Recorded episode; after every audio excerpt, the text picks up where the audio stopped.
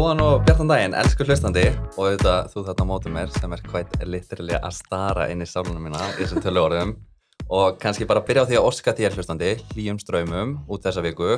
Og velkomin í þessa sangköllu veistlu sem er framöndan og ég heiti Guðmundur Gaugvífússon og er ný orðin lögildur nærgafræðingur á Íslandi sem er mjög töff. Og, og hver er þú? Ég heiti Berta Mm. og ég er með BS í næringafræði og er hálnu með master í framhaldsskólakennarunum. Já, og ert Björnsdóttir. Já. og við værum ekki hérna hérna eða væri ekki fyrir þróunarsjóð námsgagna. Og okkur langar bara að þakka ykkur kella fyrir að veita okkur styrk til að búa til þetta hlaðvar Mm og engar áhugjur, þetta verður ekki ekki og okkur langar að byrja hérna kannski á persónulega markmiðinu okkar með þessu hlaðvarpi. Þannig að svona Berta, ef hún myndir hérna pæli svona hvert er persónulega markmiðið mitt með þessu Já, uh, ég fekk þess að hugmynd fyrir alveg nokkrum árum að mér langar að gera podcast um næringafræði því mér fannst bara vanta einhvern veginn vettfang það sem að væru traustar upplýsingar um næringafræði sem væri auðvelt bara fyrir alla að nálgast. Og ég elska að hlusta á podcast og því þá get ég bara svona nýtt tíma minn ég að gera eitthvað annað ef ég að keira eitthvað. Já, en svo þegar ég fór að, að læra framhaldsskóla kennaran þá kom þessu hugmyndu upp að veri, gæti hérna gæti verið nota, þetta gæti verið nota í kennslu í framhaldsskólum. Þegar ég fór að læra um vendi kennslu sem er í raun bara þannig að nefndur hlusta á fyrirlöstur heima og koma svo tíma og vinna verkefni eða bara ræða um það sem það voru að læra uh, sem er alveg öfugt við það hvernig kennsla er oftast byggð upp í dag.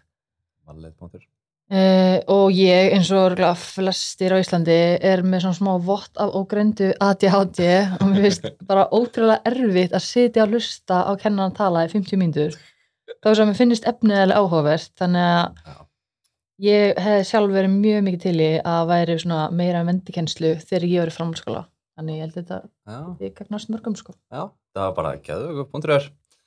En og? Já, persónulega markmiðið mitt með þessu hlaðarpi hmm, Ok, sko þegar ég var að byrja í mennskóla að þá lendi ég reyndar í því hræðilega atviki að það beit svona Spiderman konguló mig.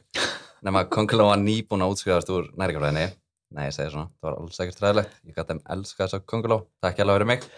Nei, en ángrist að þá fekk ég allir bara svona fárlega mikinn eldmá að læra allt í tengslu við næringu og held alveg pottið það þegar fannst ég einhvern veginn alltaf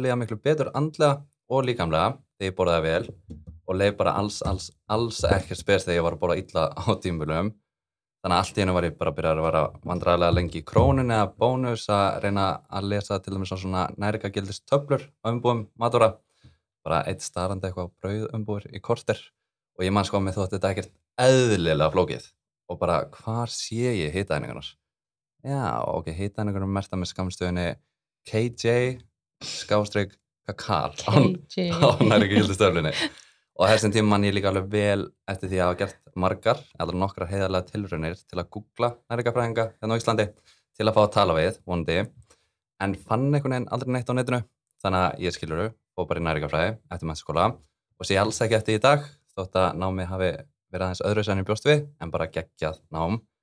Þannig að markmið mitt eða áskorun mín í þessari first season of this podcast verður að kann er raun og bara svona að kenna fortíða sjálf mér öll grunn atriði nærikafræðinar á mannamáli bara eins vel og ég mögulega get og svara öllum þeim spurningum sem ég langa alltaf að vita en vissi ekki þegar ég var að byrja að læra nærikafræði meðal annars eins og ég var bara orðin að eitthvað stittu í krónu eða bónus að starfa á brauðumbúðir. En sko ok, það voru ekki bara, ekki bara brauðumbúðir. Ég tók þess að nánast allt galleri á þessum tímum og ég vissi þá að það var alveg greinlegt að, að kongulóðan hafi verið nærikafræðingur Nei. Að, hérna, ég hafði áhuga á nærikafræði. Þannig að, já, það er persónulega markmið mitt með þessu lagarpi, ef þetta Ok. meika eitthvað sens. Og áður en við byrjum að bladra um aðal viðfangsefni þáttarinn sem eru kolvetni, að þá vildi Berta guð. endilega, ég fari í gegnum heimildir sem við nótum fyrir þannig þátt og sagði mér að sagði mig að þetta er líklegast upp á stakksarlegurinn hjá hlustundum. En var það ekki? Nei, ég bara að vona að fólk hætti ekki að hlusta strax sko. Ég reyndi að fá hann til að sleppa þessu bara alveg að hafa þetta bara í lýsingunni á þættinum eða bara aftast eitthvað en Nei, og, ok, sko, þið þraukið allan ok, vonandi. sko, heimildin að vera núna bara í þætti nummer eitt og síðan nefnt í framhaldinu tróðu þá því bara undir lýsinguna fyrir hvert átt Ok.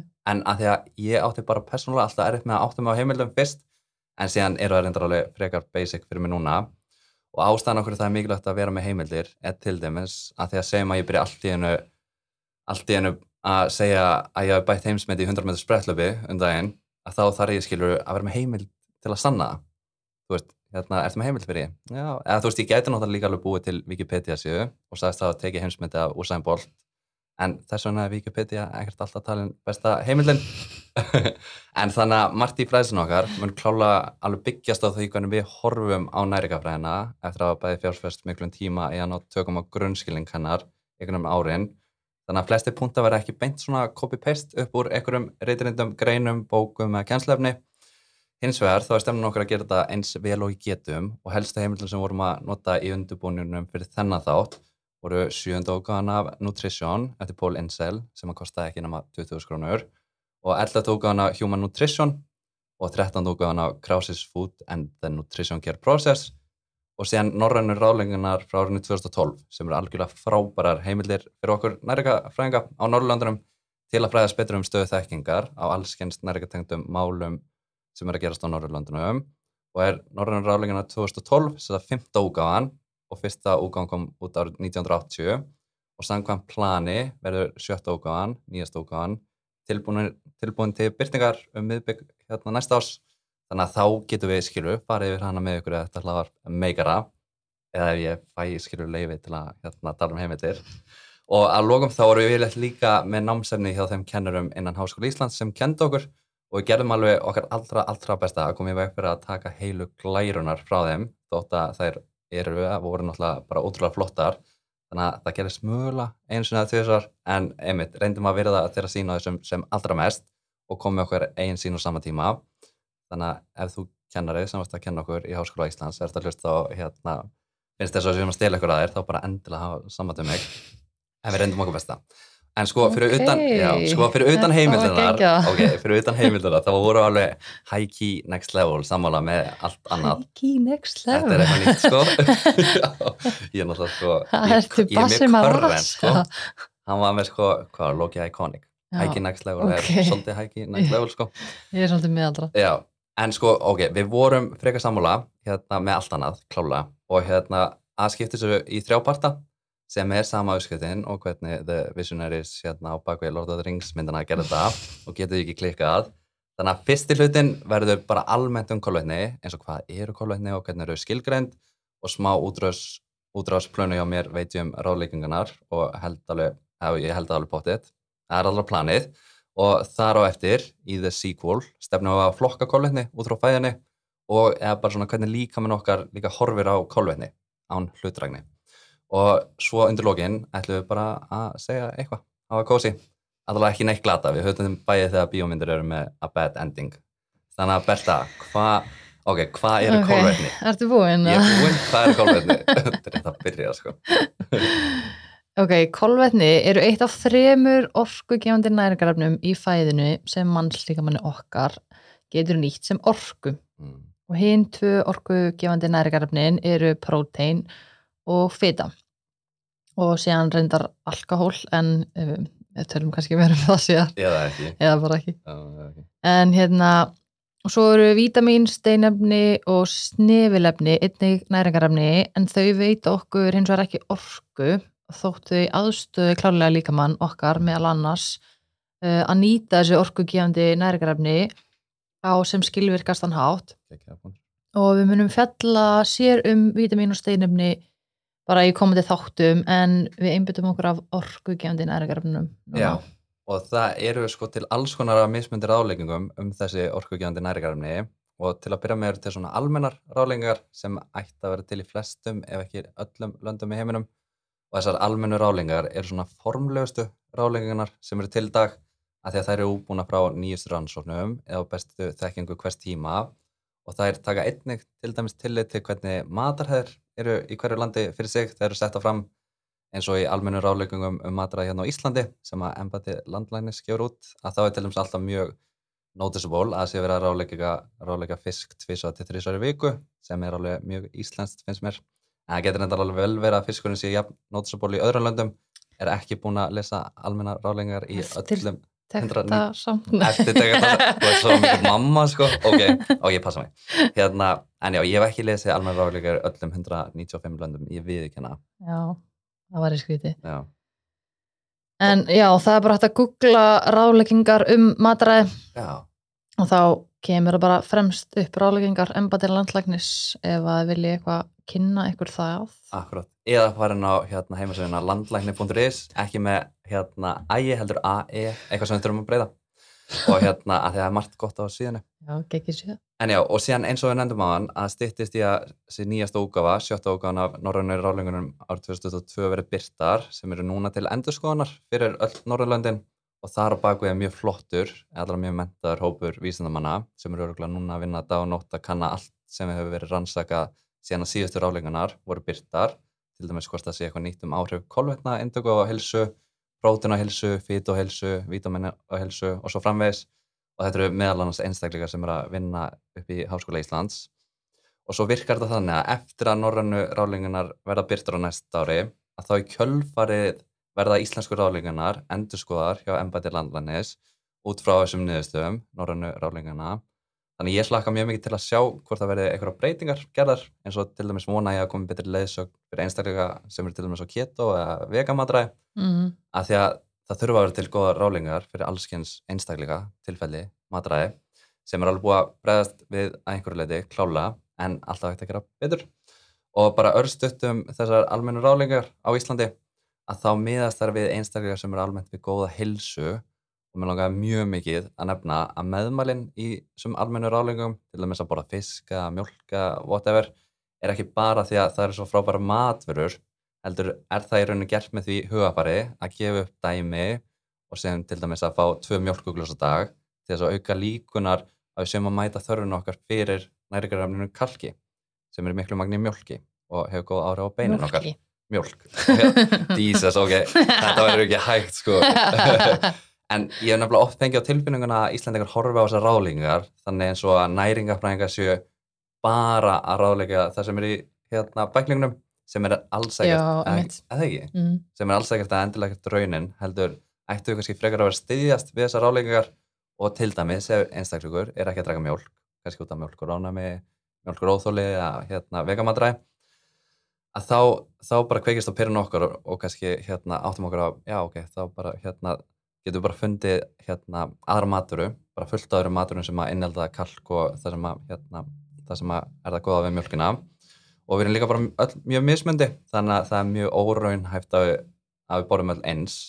Þannig að svo er líka fullt af svona sérráðleikingum fyrir einstaklega sem eru til dæmis að kljást við ákveðin andli og líkamlega helsuvandamál og kannski fyrir íþróttafólki í mismundi íþróttagreinum. Og svo eru þetta líka hægt að finna nánast endalaust af ráðleikingum eða efni um þessi orkugjandi næringarefni á mismundi samfélagsmiðlum og flóran alveg frá fréttasíðum til TikToks. Mm. Og hjá einmitt. og hjá einstaklega sem að skrifa bækur um mismundi matræði sem er líka svona mis hérna, og við getum örgulega haldið áfram endalaust en ég held samt einmitt að hlustandi sé komið skilabóðin að það eru ekkert eðla margar mismundi úgáður til af þessum ráðleggingum um þessi orkugjandi næringarefni. Og þá getur klassist dæmi um hvað er oft í ráðleggingum? Til dæmis verið hversu mikið við hérna ættum að vera að borða kolvetni, prótum og fytu dagstælega til að uppfylla svona nálgast viðmiðin okkar um orku og næringarefna þörf sem er líka reyndar alveg einstaklisbundi að því að við erum öll mismundi og ég mun pottet segja þessa setningu að við erum öll ólíka og svona tryggja mynda fresti. Bara you are unique just like everybody else sem er þetta gegga kvot you are unique just like everybody else. Draf svona, draf svona hluta af ekoðunum mínu. Þannig, þið lasa hann fyrst og svo er annað dæmi sem að maður finnur yfirleitt í ráleggum um matræði. Til dæmis svona hvað fæðuflokkar eða hvað fæðutegundir flokkast sem kannski ákjósunlegir kolvetnagjafa. Og það er kannski hvítbröð á móti grófubröði og svo er oft verið mikið svona umræðinu með próteinagjafana kannski þá hérna kjötafurðir, hérna prótein frá kjötafurðum, hérna á móti plantuprótinum og lokum fytugjafar þá eru kannski með omega 3 fytusýrur og omega 6 fytusýrur og mér langaði líka að nefna í lokin á síðastlinum árum hef ég alveg verið að taka eftir ákveðna svona áherslu breytingum í sumum ráðleikungum sem eru byrjað að taka meira mið af fleiri þáttum. Hérna en ein, einungis kannski helsu einstakleika og eru margar rannsóknir í gangi núna í tengslu við hérna næringu helsu og hvað matvæli stuðla til dæmis betur á sjálfbærni á umhverfin okkar. Og eru ráðlengar því bæði þá einmitt með heilsunni okkar og umhverfis að leiðalósi á þess að vera eitthvað sérfræðingur þegar kemur á því að þá veit ég til dæmis að avokado sem er minn uppáðs áhugstur og bara geggjaða næringagjafi en á sama tíma á avokado vist að hafa hátt vassbor eða með öðrum orðum ekkert sérsalega jákvæð áhrif á umhverju okkar eins og staðan er í dag. Það svo mjög leðilega upplýsing ég veit það, en þannig þá eru pælingar um hvernig þetta meðhundla þá sem bestan hátt til dæmis hvort að ég þá vera sýnilegt í ráleggingum eða ekki en allavega ná, mátt stoppa með ég var að borða avokadotost í morgun sko. oh, Jesus, þú ert náttúrulega sko, hugsaðum umhverju sko mjög, er mjög samt mikill umhverju sinni sko. já, ég líka og ég hérna ætla ekki að ekki alveg hægt að borða avokado, klálega ekki en, en já, en já, ef að við einblýnum okkur uh, aftur uh, já, smá hérna já. draga okkur aftur að efninu Mhm. Að fyrsta orkungefandi næringarefnu sem munum taka fyrir sem þætti sem er, eru kolvetni að þá hafa kolvetni gegnum árin um, reglulega fengi frekar neikvað umfjöllun í fjölmjölum, auglýsingum og pislum, bara allt þar fram til gödunum en á samanskapi eru þau samt sem að vera lífs, lífsnausinleg næringarefni, Ok, Guðmundur. Ég ætla að tala um þetta smá 100% ok, hætti áfram. Það er bara rétt hjá mér. Uh, spurningar sem ég persónulega fengið um kolvetni hafa til að mynda verið gera kolvetni mann feitan Mhm. eru kolvetni ekki orsakavaldurinn fyrir síkusíki og er saman sem merkja mellir kolvetnis intöku og ofvirkni eða ADHD ég held að ég fengi allar þessar spurningar já, líka. listin er ekki tæmandi sko. Nei.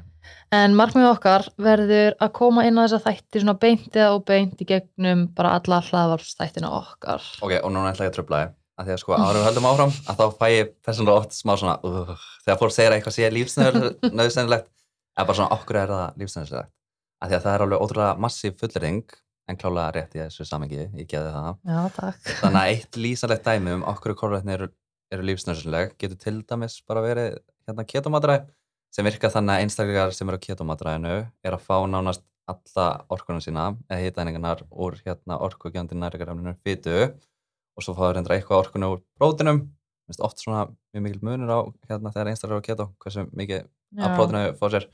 En svo er venjan að um með í kringum 50 gram af kolvetnum síðan eitt dagstæðlega og ástæðan okkur það það er alltaf að vera smá kolvetni með ketomatræðinu en meðal annars vegna þess að þrátt fyrir að flestar frumur manns líkamanns uh, geta brent til dæmis fytu úr fæðinu og nýtt hann sem orku í staðan fyrir kolvetni að þá geta þær ekki allar frumur gert það. Þannig að þá þarf líkamann okkar alltaf smá kolvetni til að aðstofa líkamann okkar meðal annars að vinna úr fytunni og þar að leiðandi eru við komið eina ástofa okkur við getum sagt að kolvetni eru nærigrafni og svo reyndar getur our amazing body gert til magna sem er að breyta hinum orkugjandi nærigrafnunum, svo að fyt og prótini yfir í kolvetni inn í líkamanum okkar. Og það, þau gera það með því að taka þess að part af byggingareiningum fytu og próteins og kallast þetta ferli inn í líkamanum okkar gluconeogenesis sem er ángriðs bara geggjaða pæli. En spurning hvort að við fjöldum um gluconeogenesis eða hérna bara þegar við erum komin lengra í djúpulögina eða vonandi næja já, eitthvað tíma já, kannski eitthvað tíma en já, varst ekki að tala um eitthvað skilgrinningu á kólunum eða eitthvað Jú, ok. Þetta var kannski svona smá, uh, þetta var örugglega svona efnafræðilega stað það sem við munum tala um. Þetta verður ekki alveg svona punktur eins og það sem ég er að fara að segja. En Nei. svona gróf skilgrein- skilgreining á kolvetnum getur ljóðan okkur neði þannig að kolvetni eru sigur tegundir, sterkja, sellulósi uh, og annað efni yfirleitt úr jurtaríkinu sem eru lífrann efni og eiga það sammeðlegt að vera byggð úr byggingareiningum CH2O. ok, byrju, ok. Þannig að kólvetni eru yfirleitt úr jörsturíkinu Uh -huh, og þetta eru lífræðin efni uh -huh. og eru byggð úr hvað sér, byggingarunum CH2O þannig að hvað hva er C hvað C eru kólefni, ok, svo eru, uh, er Og vetni, þá er þá tvær frumendir af vetni og, og er súrefni.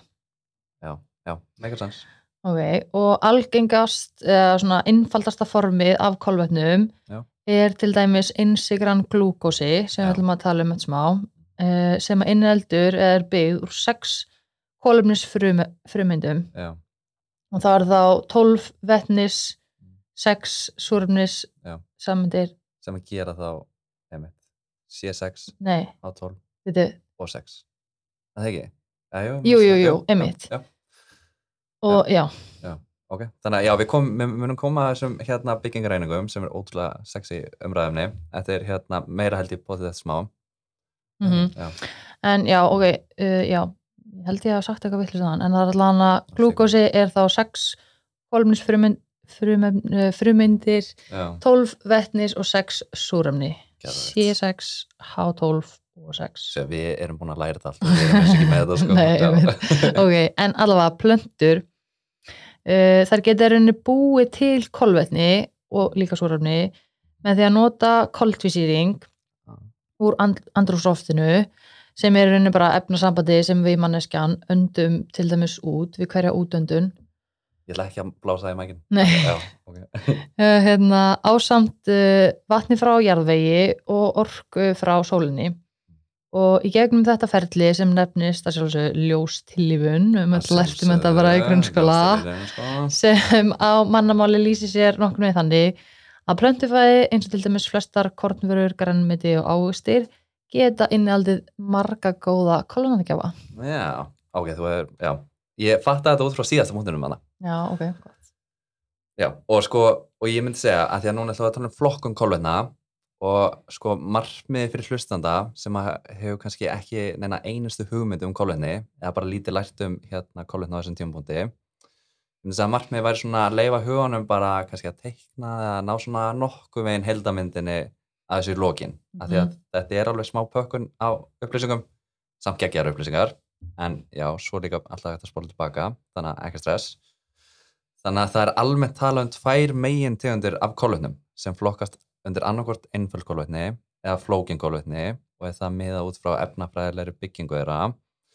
Þannig að einföld kolvetni skiptast í einsigrur og tvísigrur og einsigrur eins og nafni gefur til kynna samastanda af einni sigureiningu og tvísigrur eru tvær sigureiningar sem eru reynda samblanda af tveimur einsigrum nema þær eru svona efnafræðilega bundnar eða tengda saman.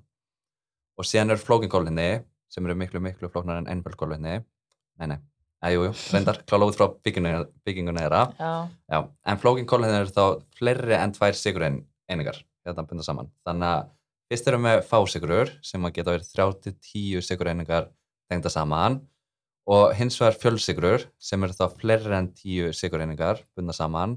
Og þær geta alveg verið sko fleiri þúsundir af sigureiningum hérna tengda saman. Og þess að fjölsigrur flokka síðan nánar undir sterkju, glíkóken og trefjar. Þannig en ef við byrjum samt bara á einföldu kolvetnum og, ein, og einsigrum að þá eru svona almennt þrjár tegundir af einsigrum og það er fyrst glúkosi sem er oft kallaður þrúisigur og sen erum við frúktosa sem er oft kallaður ávægstasigur og sen erum við galaktosa sem er ekki reynda með neitt fancy nafn. Og, hérna, og allavega og allar þessar þrjár einsigrur er í raun alveg eins þegar kemur að efnafræðilegri, byggingu þeirra sem samastanda öll að þessum 6 kólumnis frumyndum, 12 vetnis frumyndum og 6 súrefnis frumyndum en einu munun á milli þeirra er kannski svona hvernig röðunin er á þessum frumyndum og struktúrin og þannig að þessar þrjár einsigrur, glúkosi, frúktos og galaktosi er svona helstu einsigrur sem að við lærum um í næringafræðinni en svo eru alveg aðrar einsigrur eins og pentosi og aðrar svona afleður sætuefna eins og sigur alkohol sem tengla segja flokkast undir einsigrur en bara taka það kannski fyrir setna, setni og betri tíma ef það meikar sens af því að það skiptir ekkert höfumáli þegar maður áttur sér svona á kolvetnum myndi ég segja, ekki sammála mjög, mjög, hérna, Já. merkilegt. Nei, en ok, en glúkosi hérna, hérna er ótrúlega merkilegur ef ekki að byrja á bara glúkosa Jú. er glúkosi? Uh, ok, fyrsta innsigran sem við viljum að tala um er glúkosi og hann er ákjósanlegur eða svona preferred orkugjafi fyrir heilan, rauðblóðkörn, tögakerfið, fóstur og fylgjuna. Glúkosi er aðal orkugjafi frumna líkamanns og heilafrumur nota yngöngu glúkosa sem orkugjafa nema þegar líkaminni er í föstu ástandi. Þá er frambúð á glúkosa of lítið og heilir þarf að grípa til annara ráða og við þekkjum þetta bara sem ketosu en þetta getur haft áhrif á síru basæpa í líkamanns og það er að koma í veg fyrir þetta með því að borða lámarki 50 gram af kolvetnum á dag eins og Ah, töluðum um já. ok. uh, glúkosa er að finna í ávöxtum og hunangi en er þó sjaldan til staðar sem einsikra í matalum heldur en oftast bundin öðrum kolvetnum og myndar þá tvísikrur, sterkju eða trefjar. Og það er mikilvægt fyrir líkamann að halda glúkosa í blóðinu sem er bara blóðsikurinn uh, stöðugum til þess að tryggja stöðu orku fyrir líkamstarfsemina. En það er sem sagt þegar að tala um sigur í blóði að þá eru verið að tala um glúkosa. Ok, náttúrulega þess að síðast setningu einu sæn. Þegar tala... Þegar að sigurinn er komin út í blóðið Já. þá eru við alltaf að tala um glúkosa. Ah, Blóðsigur er glúkosi. Ok, það, er- það er mjög mikilvægt. Mhm. Já, Uh, svo er það frúktósi. Uh, hann er oftast kallaðar ávastasíkur í daglegu tali en nafnheiti ávastasíkur tengist væntalega helst þeirri ástæðu að frúktósi finnst náttúrulega bæði í ávöxtum og sumu grammeti líka. eitthvað sanns. Síðan er frúktósi með aðeins sætara bragð en aðrar sigrur, til dæmis sætari heldur en glúkosi og því hafa til dæmis matalaframlegendur verið að nýta sér þetta sæta bragð af frúktósunum og breytt sigrinum í vörum þannig að hlutfall frúktósa sé hans herra heldur en glúkosa. Til að gefa bara sættra bræð. Já. Já. og dæmum þetta er svona high fructose corn syrup sem hefur uh, mikið verið bætt út í góstrykki og nammi en ekki samt á Íslandi, það er ekki nota allavega ekki Já, það í alveg. góstrykkjum Nei, já. Nei, það er bara venlu sigur en í bandaríkunum til dæmis þá er þetta mjög mikið nota Einmitt. Uh, þannig að þá erum við að tala um svona síðust ártöfum uh, eru komnar mun fleiri vörur en bara ávextir og grammeti sem innihalda þennan ávasta sigur og því erum við heilt yfir að neyta uh, hérna, meira af honum. Þannig að það er spurning hvort þessi neikvæða stimpill sem hefur verið á ávasta sigri í tengslu við helsun okkar snúirinn bara mestu leiti kannski frekar að uh, hérna maður erum að fá miklu meira af þessari einsigru en þegar fólk gerði áður þegar þú veist það var bara verið að borða hérna Þetta og er geggjað það var eini í staðurinn sem Já. fekst þennan eðlulega góð búndur. Þetta er ekki. uh held það sko. En hérna já, svo þriðja og síðasta innsigran sem við viljum að tala um uh, það er galaktósi Já. það er og lítið að segja um galaktósa sko, en hann er fannstu? einn og sér í matalum ok. uh, algengast er að hann sé bundin við glúkosa og við það myndast tvísikra sem að nefnist laktósi eða mjölkusikur Já, Ok, sem við ætlum að tala um þetta ok, kannski ástæða okkur galaktósi. Ég ekkert bí við galaktósa. En hann var einu sem var ekki með neitt nafn. Þannig að Já, einmitt, það getur verið ástæðan. En ok, tvísögrunar, að það, þá er til 30 tegundir af tvísögrum og erum með súkrósa og laktósa og maltósa. Þannig að súkrósi, er það? Já, uh, súkrósi samastendur af einni glúkosasameind og einni frúktosasameind Ok, og hvítu sigur sem við þekkjum öll bara sem hérna, vennilegu sigur, það er nánast bara 100% súkrósi Já. uh, Sigur er unnin úr sigurreir og sigurrófum þetta er bara svona plöntur Já. Það sem að bara sigurinn er unnin úr. Og súkrósa er einnig að finna í púðusigri, hunangi, ástum og græmiti Eh, og líka þegar sigur er mestur á innihaldslýsingum matvala þá er alltaf verið að tala um súkrosa það stendur til dæmis utan á gósi á Íslandi, þú veist þá stendur Já, bara sigur einmitt, þá já. er bara súkrosi þegar þú segir það. mm Ok, svo er það laktósi. Uh, laktósi er oftast kallaður mjölkursigur í daglegu tali. Já. En hann samastendur af einni glúkosasameind og einni galaktósasameind. Uh, laktósi er í mjölk og mjölkur afurðum og gefur þeim sætt bragð. Og hérna, það er meira magna af laktósa í brjóstamjölk manna heldur en í kómjölk og þar leðandi er brjóstamjölkin uh, sætari heldur en kómjölk bara svona smá fun fact. Já, en hérna, sumir einstaklingar eru með laktósa óþól það er bara mjög algengt Já. og hérna, það er vegna þess að þeim skortir eða hafa minna magn af ensími sem að heitir laktasi Já, sem að brýtur niður laktósan já, sem er inn í líkamannum okkar. Já. Já. Þannig að í rauninni ensímið e, brýtur laktósan niður í glúkosa og galaktósa Já. en hjá þessum einstaklingum sem eru með þetta laktósa óþól þá er ekki þetta ensím til staðar. Ok. En það er samt hægt að kaupa meldingarensím í apotekjum sem Jæja. inniheldur laktósa ensími til að hjálpa til við að melda laktósan. Að því að þeim tilfellum sem að ensím er ekki til staðar eða lámstyrk í líkamannum okkar að þá myndi laktósin bara fara að hluta til ómeltur niður í melding- meldingavegin og í ristilinn og þar væri hann gerðjaður af bakteríum og algeng að hérna, einstaklingar fái smaverk eða vindverki Já.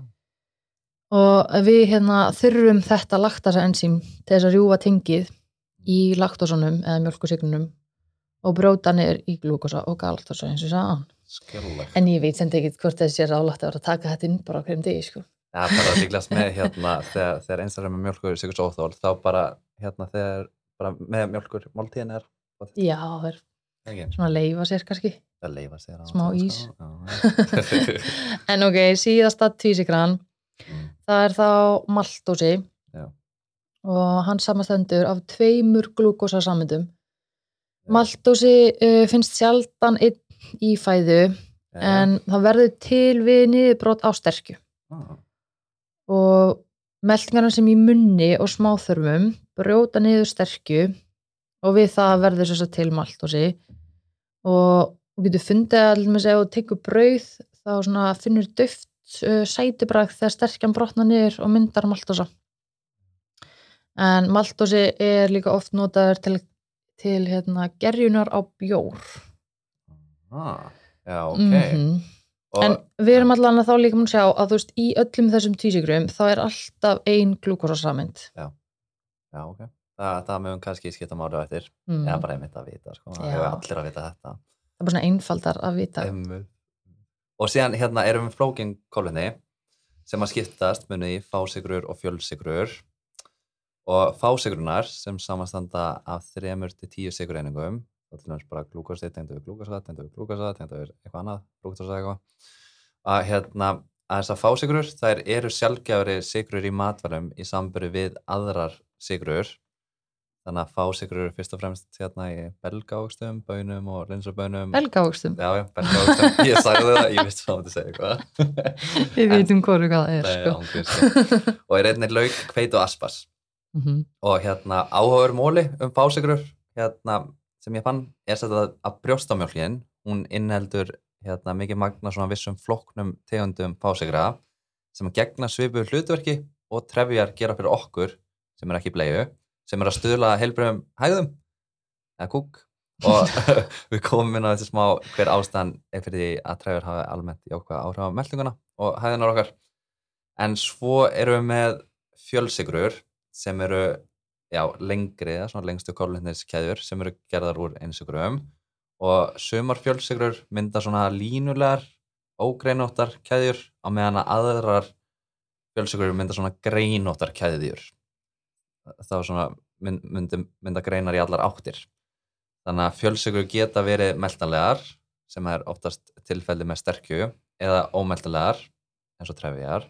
Þannig að fyrir að mestu leiti bara eftir hvernig sigurreiningunum er einmitt ræðað saman. Sko þessi greinótt og greinótt og hvernig tengin er á millera hvort að þær verði í rauninni meltanlegar eða ekki.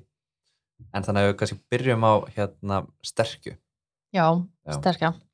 Þetta, mér finnst þetta geggja, sko. ég veit að það er svona- Ok, plöndur, þær geima sem sagt orku í formi sterkju. það er enda ekki Mm Og sterkja er mjög einsleit fjölsikra, fjölsikra að því að hún er bara gerð úr glúkosa einingum. já, Þannig að það er bara glúkosi tengdu glúkosa og svo var með þess. Uh, engar aðrar einsikrur. Og líka minn getur melt flesta sterkju auðvöldlega, þar að segja brota hana niður í einsikrur, eða einsikruna glúkosa. En sterkju er að finna í korni eins og hveiti, hrískrónum, mæs, höfrum, hirsi og byggi og einni í belgjurtum eins og bönum og linsubönum og kartablum einnig uh, og sterkja skiptist í amylósa og amylopektín sterkja skiptist í amylósa og amylopektin Já. ok, þetta er, þetta er ekkert flókið. Nei, ekki. En amylósi það er búið til úr svona löngum línulegum keðjum af glúkosa sammyndum Jó, þetta ok, er mjög flóki ein lína. Amylósi, ein lína. Okay. og svo amylopektín já, það er búið til úr greinóttum keðjum. Ok þannig að þetta er sagt bara svona keðja með fullta greinum sem koma út úr Og þetta er enda einmitt það sama ég var að segja á Já. þannig einmitt, já. Þetta er bara sama. Ok, já. að hérna sterkja, hún hefur áhrif á áferð matar og sterkja getur gert matvæli svona seg og hlaupkend og gefur til dæmis hérna, bakari kartöflum svona segju þykk, og svona þykku næstum klistra áferð uh, sterkjan í kveiti dregur í sér raka og þess vegna er oft notað til þess að þykja sósur og þess aftar uh, og svona hlutfall uh, amylósa og amylopektins í matvælum hún hefur áhrif það, hlutfalli hefur áhrif á það hvernig hérna, ster, áhrif sterkjan hefur á matvælin uh, kveiti innheldur herra hlutfall af amylósa en mæsterkja innheldur herra hlutfall af amylopektin Ok. og matvælafræðendur uh, matvælaframlegendur sem er að framlega frosin matvæli nota oftar mæsterkju til þess að þykja sósur vegna þess að það myndar svona þykkara og stöðara hl- hlaup en sósur sem eru þykktar með kveiti og þegar við erum að gera svona frosin mat veist, þá viljum við að sósan sé mjög þykk í frosnu matvælum svo hún leki ekki brotum allt og verður bara svona maturinn ógirnilegur reyndar. þannig að það er svona uh, aðalást svona almunurinn. En uh, amylopektin það er eins og munum greinótta hérna? Greinast, sko. það er brotið niður hraðar í líkamannum heldur en amylósi að því að líkaminn hérna, já sko líkaminn meldir flesta sterkjur en sá hluti sterkju sem að meldist ekki hérna kallast uh, resistant starch eða hægmeldandi sterkja það var ekki, ég held að sé ekki tilneitt eitthvað svona almennlegt orðið yfir þetta en ég fann allavega að var, þetta var notastundum. Já, en hérna sko ástæðan fyrir að amylopektin brotnar hraða niður það er bara því að enzímin getur rauninni byrjað á öllum greinunum. Að brjóta niður Já, hérna, sterkjuna. En í amylósanum þá er það bara ein lína og það er rauninni bara tveir endar sem að enzími getur byrjað að brjóta niður. Þess vegna er amylopektin brotir hraða niður í líkmannum heldur en amylósi Vá, ok, ég vissi þetta ekki. Ekki að það við það, ok. mm þetta er ekki ekki sko Já. Herru, svo er hérna, til nokkra gerðir af hægmeltandi sterkju sem að er geggjað fyrirbæri Það er resistant starts. Já. Já, ok. já. ok, það er sem sagt uh, sum matvæli innihalda bara hægmeltandi sterkju vegna þess að enzimi amylasi uh, sem að hérna, brýtu niður sterkjuna það næri ekki að brjóta þessa tilteknu sterkju niður og það er til dæmis hráar kartöblur óþróskaði bananar og sumar belgjustir eins og hvíta bönir uh, það er innihalda þess að gerð af hægmeltandi sterkju. Þannig að geggjað fyrir þær uh, þá þau, Já, bara alla. sko. Eh, sem að fíla hérna óþróska banana. Einmitt.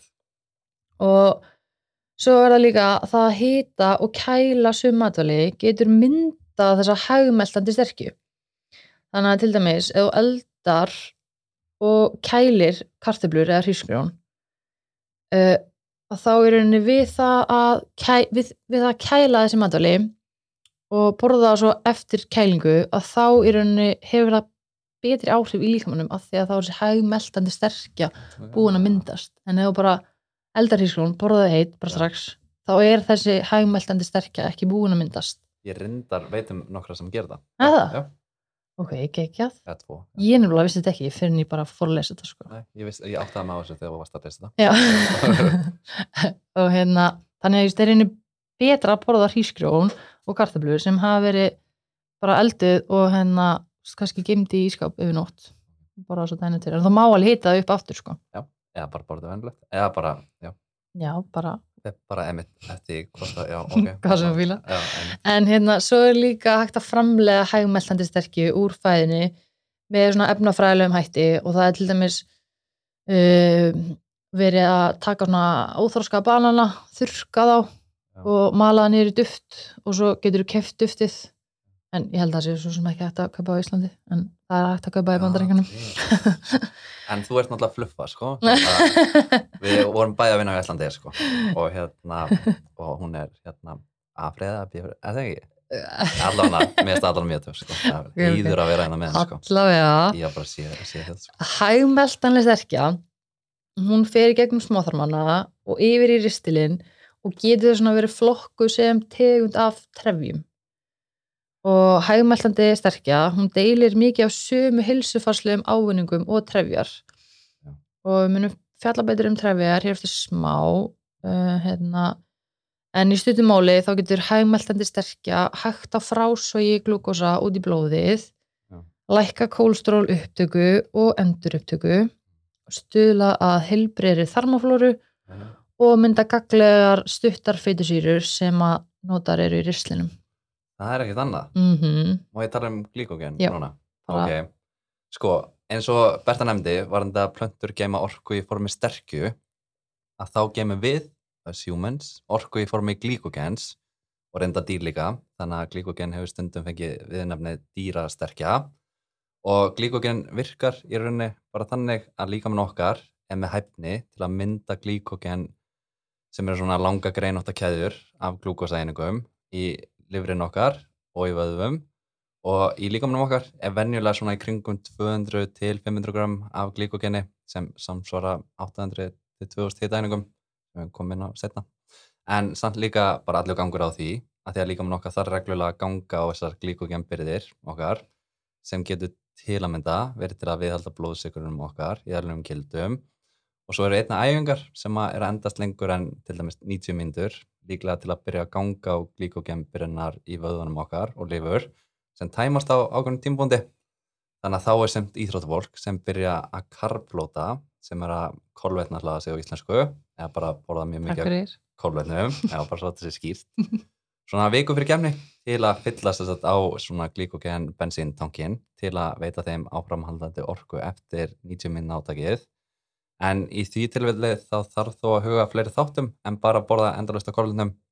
Og ég held að fyrir hvert gram af glíkogeni þarf að gera ráð fyrir cirka 3 grömmum af vatni og snýr það eitthvað að bindingu vökuans í líkamunum okkar.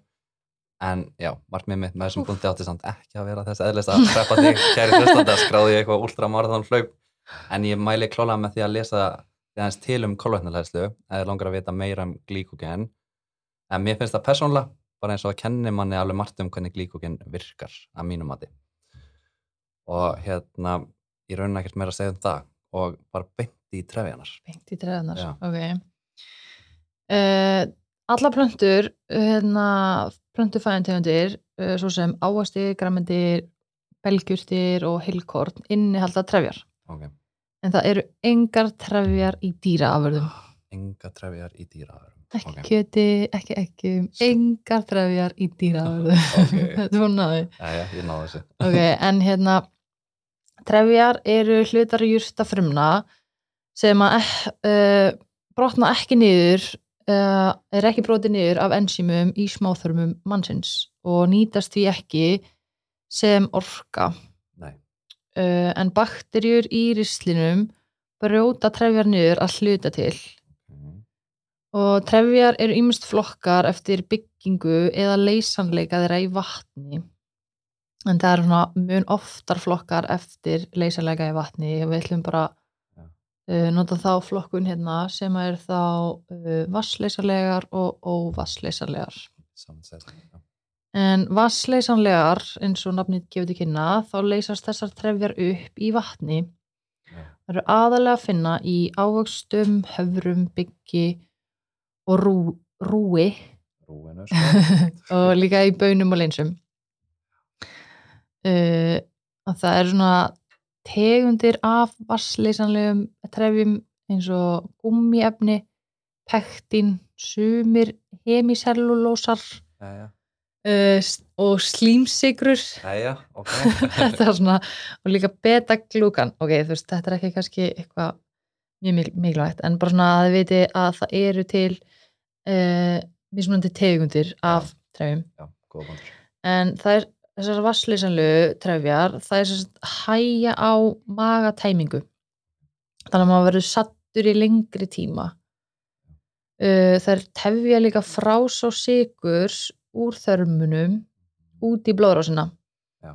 þannig að blóðsigurinn svona, hann svona ríkur ekki bara beint upp heldur kannski fer bara svona aðeins hægar upp og rokkar kannski minna Einmitt. og svo líka uh, lækkaðir kólestról í blóði og ég ætla að tala meira um það eftir smá Já. en svo er það óvassleysanlegar trefjar Já.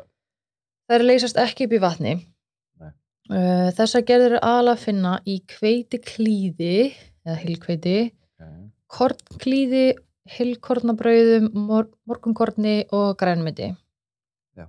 og svona típur af þessum trefjum eru sellulósi margir hemisellulósar og lignín ok. en var það að koma að Já, já. en hérna það er sérst auka við þyngd hæða uh, það auka við þyngd hæða, hæða þýðir að þegar þessar trefjar fara gegnum meldingavegin binda þau vatn Er það að að, tala um hæða, er það að tala um kúk? Já ég er það ok, kúk ok, en sorry. ég segi samt hæða, Já, hæða, já. hæðir Hægðir. ekki kúkur Ok. hérna uh, já, binda hérna vatn sem að gerir hæðirnar mýgri og auðveldari í lósun og koma þannig í veg fyrir harldífi og hægðatregðu uh, þær örfa einnig hreyfingur ristils og hraða fluttning hægða í rislinum Já, já. Og það er svona bylgjur hreyfingar sem eiga sér stað í rislinum til þess að koma matnum áfram Já. og með því að auka við þessar hreyfingar þá verður flutningurinn hraðari Ok. og hérna já, svo eru þetta alltaf eitthvað svona undatekningar eins og þarna að við örgulega heyrt um uh, husk Ég vissi á að segja það, já, hörsk. já, það eru vassleysalegar trefjar Já. en eru samt notaðar til þess að örfa hreyfingur istilsins eins og óvassleysalegar trefjar gera Emmitt. Maður sér þetta í króninni Já, apótekinu og- mitt. Já. Mjög vinsalt við hægðatræðu. Emmitt. og hérna, má ég fara í meldingu að upptöku að... Nei, ég ætla aðeins að tala hérna meira. Ok, ok, ok. Enga næsing. Oh Nei, ég ætla aðeins að tala um bara hérna varandi kólesterólið. Það að vassleysulegar trefjar lækka kólesteról í blóði. Já.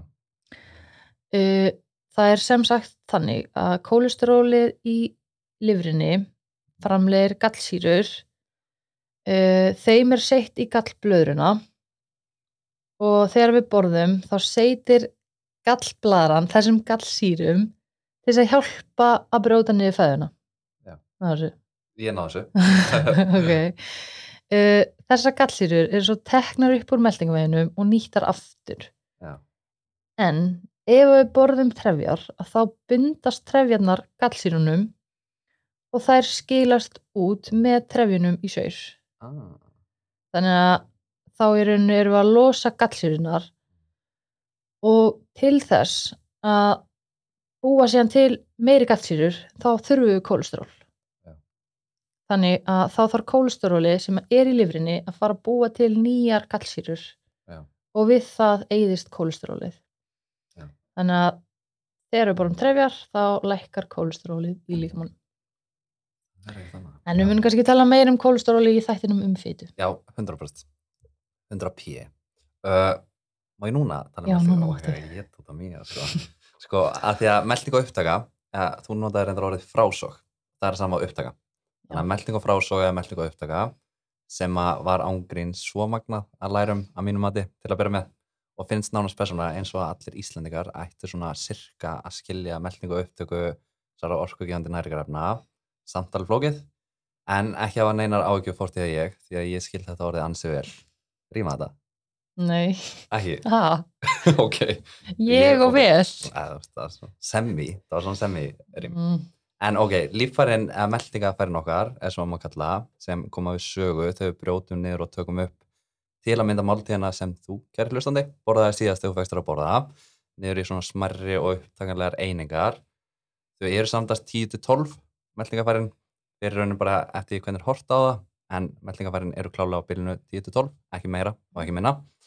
Og þau eru þetta key að því að formið á matnum sem við fengum okkur öll í síðustu máltíð var að öllum líkundum bara of stór eða of gróft fyrir líkamann okkar til að geta tekið upp strax og nýtt til dæmis sem orku og að því að markmið okkar núna verður að fara lauslega í gegnum það helsta sem tengist meldingu og upptöku kólvetna að þá langaðum við fyrst að nefna öll meldingafærin að því að við tunum kannski meira um sum meldingafærin í öðrum þáttum að því að þau geta verið misvirk út frá þeirri máltíð sem við erum að melda til meins prótein, fita. Þannig að svona helstu meldingafærin til að geta átta sig sem best á meldingu og upptökun okkar að mínu viti og flestra held ég alveg potið vonandi er munnurinn og eftir munum kemur vélinda sem er í rauninu bara rör niður í maga sem er næsta meldingafærið eða já, ég mæli eiginlega bara mjög mikið með því að horfa á alla meldingafærin sem er rör þar sem maturinn reyfist emitt með svona svokallum bylgjurheyfingum vöðalagsins okkar sem er reynda kannski alveg full mikið dítel með reyfingarnar en svo eftir manum koma smáþarmannir og ristillin sem eru á ennsku small og large intestines og svo náttúrulega endaþarmurinn sem markar the end á þessu annars glæsila röru okkar.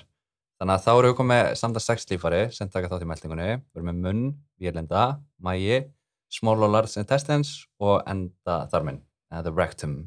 Og svo eru einni hjálpar meldingarfæri sem eru í eftirvarandi röð og það eru með munnvaskirtla, við erum með livrina, gallblöðurina, brísið og botlanga. Fyrir þá sem eru með botlangan sinn ennþá, þar að segja en botlangin spilar ekki beint stærsta hlutverkið í þessari upptalningu, heldur eiginlega bara þvert á móti. Ég er til dæmis nokkuð klára því að meldingin hjá systeminni sé almennt mjög góð þrátt fyrir hún að botlangin hafi verið fjarlagið frá henni þegar hún var yngri. Hæ Óluf, og sorry Óluf, maður hefur verið þennan punkt, ég klippið þetta út, en samt svona ekki. En ok, ímyndum okkur að við séum með tvo kólendagjafa fyrir framann okkur.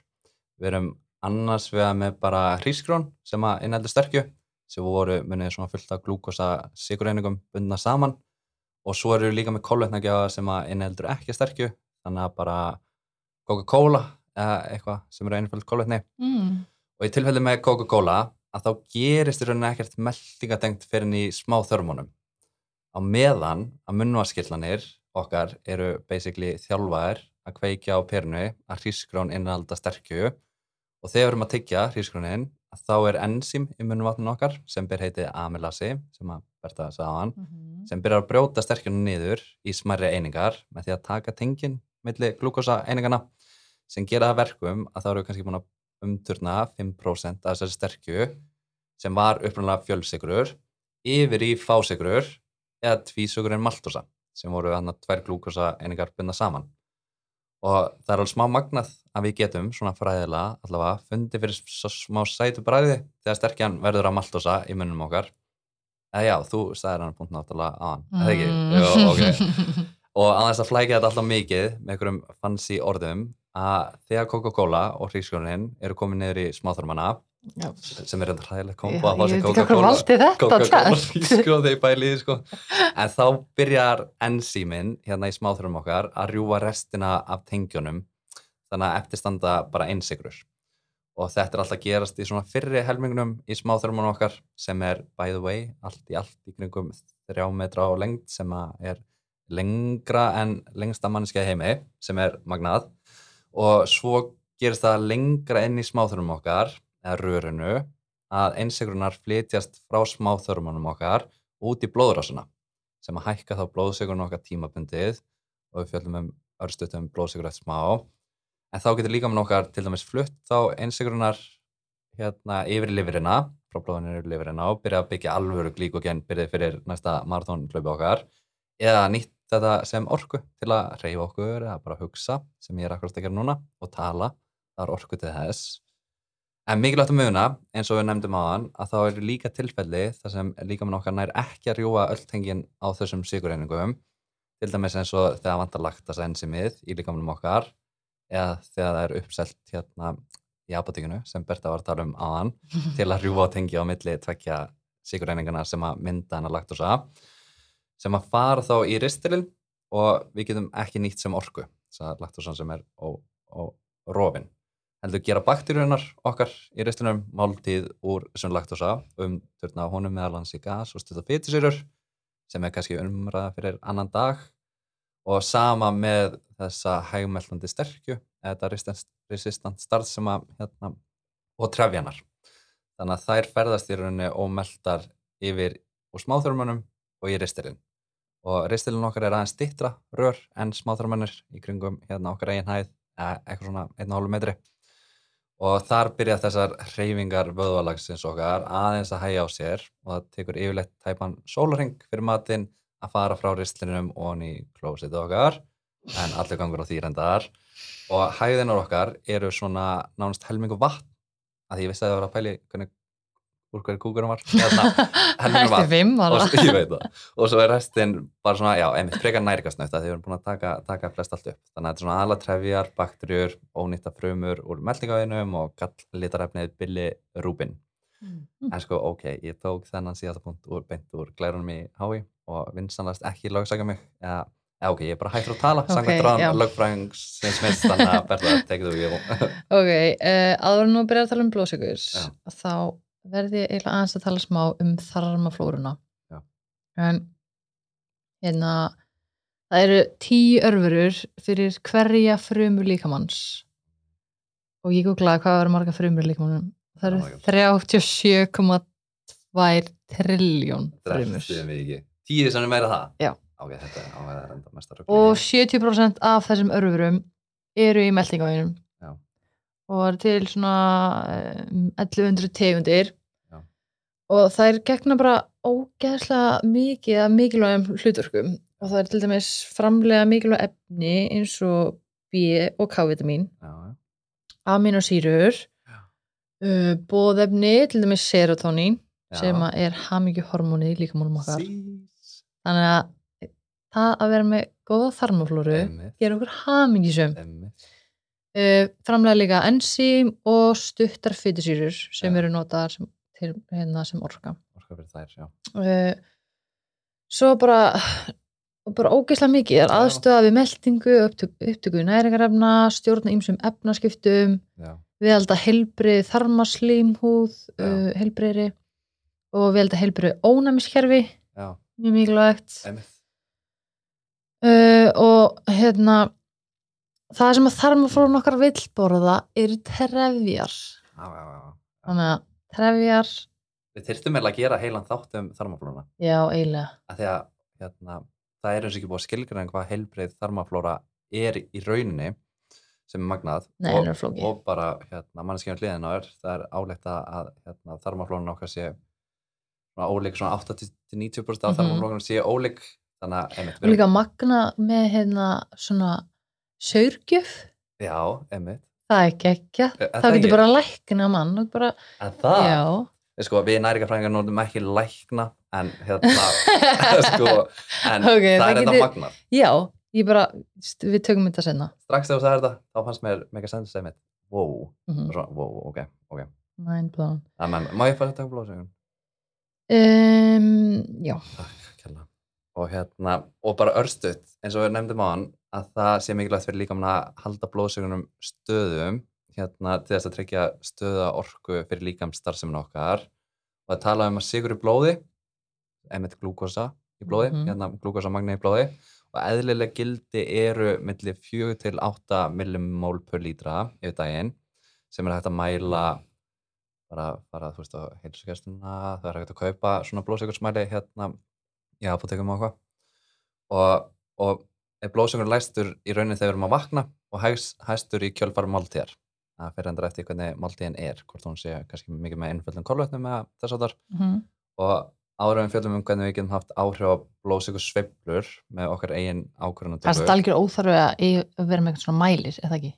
Já, fyrir heilbriðan einstakling Jú, í rauninni, en þú veist, ég er einmitt með svolítið hérna slemum blóðsökur og hérna, og þegar þú horfir á mig þá myndir ekki hérna endilega halda það, þannig að ég myndi klála að tjekka, tjekka á þessu allavega einu sinni tvisar bara, hérna en, en ég einmitt, kannski, ef maður er að finna fyrir mjög mikil svona, já, bara svona hérna einmitt, þegar maður er múin að borða einhverja hérna máltíð og síðan kannski eftir tveim eða þreim tíma finnst þú svona hrinja Já, niður? svona gjössanlega hrinja niður, já, Mhm. ég held að það geti til dæmis verið sniðut og ég Já. tengd alveg þann punkt klála Mm. Og hérna, já, ég var að segja ára við fjöllum um hvernig við getum haft áhrif á blóðsökursöflunar með okkar eigin ákvörðundtöku á fæðivali það eru tvö hormón í líkamunum okkar sem gegna líkil hlutverki í blóðsikur stjórnun insulín og glúkakon en þegar við borðum að þá virkar þetta þannig að líkamunum okkar seitir insulíni til að flytja glúkosan eða orkuna inn í frumunar okkar.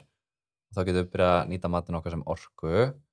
Og þar á eftir seitir líkaminn hormonu glúkakon til þess að sjá til þess að, að blóðsökurinn hækkir rauninni aftur eðlileg gildi að þegar þá er, er frumunar kannski búin að taka blóðsökurinn úr blóðun okkar þá seitir líkaminn okkar glúkakon til að koma um aftur í sig 4-8 millimól per lítra og svo er endara eitt annað hormón sem nefnist adrenalín sem er fight or flight hormónið sem að við konumst held ég alveg flest við, það ekki? mm Já, já. En þegar líka mann okkar seitir adrenalíni þá vinnur það í rauninni eins og glúkokonið og hækka blóðsíkurinn okkar til að gefa okkur snögga orku og gera okkur reyði búin fyrir bardaðan eða þá að hlaupa í burtu frá bardaðanum sem að ég ger alltaf, ég mæli með því að gera þó það sé vandræðilegt. En hérna, já, aftur að því hvernig getum haft áhrif á blóðsíkursöfnunir með okkar eigin ákvarðantöku á fæðuvali og ég myndi segja bara til að byrja með getur verið gott að kynna sér svona síkustuður hérna, eða glycemic index ímessa matvala og, og þá er einmitt hérna, en mér langar samt kannski aðlega að tala um þennan punkt, af því að hérna fyrir svona tíu árum eða eitthvað, þá, þá var til svona, fyrir einstaklega sem að voru í áhætt á sigursíki, voru með hérna sigursíki að tegum tvö, með svona hérna tæpan blóðsigur, að þá var alltaf til svona listi bara yfir kannski 20 hérna matunum sem að þau áttu ekki að vera að neyta Mhm. og kannski bara Coca-Cola, banani, ís og jari, jari, jari og séðan voru þetta 700 mann sem að tóku þátt í þessu. Og hver og einn borðaði, þú veist, hérna banana frá sama bananatrénu og séðan eitthvað annað. Og þá er sum aðtrjáð sem lista, þótt að fólki var í átt á hérna að vera með ofan blóðsökur að í sumum, sumum matunum sem að átti fræðilega sér mögulega, þú veist, að hækka blóðsökur eða meira, gerði það ekki. Þannig að það voru sumt á þessum lista sem að það var í lægi fyrir fólki að borða en annað ekki. Og sem var þetta bara ótrúlega breytilegt milli, milli einstakleika þannig að þessuna kannski myndi ég líka hérna mögulega annarkvort hérna fylgja Glucose Goddess hérna á Instagram sem að með geðið svona alltaf hérna posta hverjum degi eitthvað með blóðsögur sinn.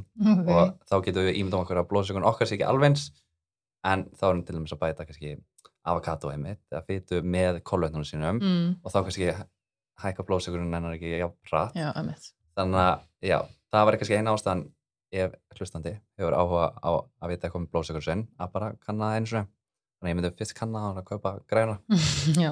Og hérna og síðan, einmitt, kannski tengist þetta bara svolítið vel, einmitt ekki hérna tegund 1 og tegund 2 sem er Mhm. svona efnaskiptar sjúkdómur sem lýsir sér þannig að sigurmagnið í blóðinu ekst sem stafar þá skort af insulinni eða ónógum insulin áhrifum í líkamannum með öðrum orðum nýtast kólunin ekki eðlilega úr fæðinni og sapnast í auknum magni í blóðinu sem skilst síðan út með þvæginu þannig að ef að blóðsökursveiflur fara út fyrir venjuleg gildi sem voru annað 4-8 millimól per lítra á daginn getur það bent til áhættu fyrir sigursíki þannig að markmið með fæði sigursjúkra er í rauninni að bara halda blóðsigur styrk eins nálagt þessum normal gildum eins og mjög er.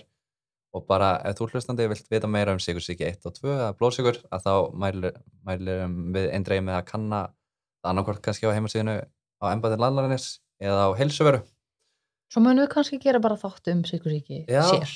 Já, það væri rosalega þáttur sko. Í framtíðinni, Já. mögulega. með heimildum og með heimildum. En sko, og síðan erum við bara búið með hérna annan liðin og við erum komið, hvað, hvað er tíminn á þessu? Við erum komið hérna yfir klukkutíma og hérna er þetta ekki bara voru helviti mér finnst þetta bara búið að vera geggja Er sko. það ekki? jú, ég held að þetta sem bara geggja hjá okkur.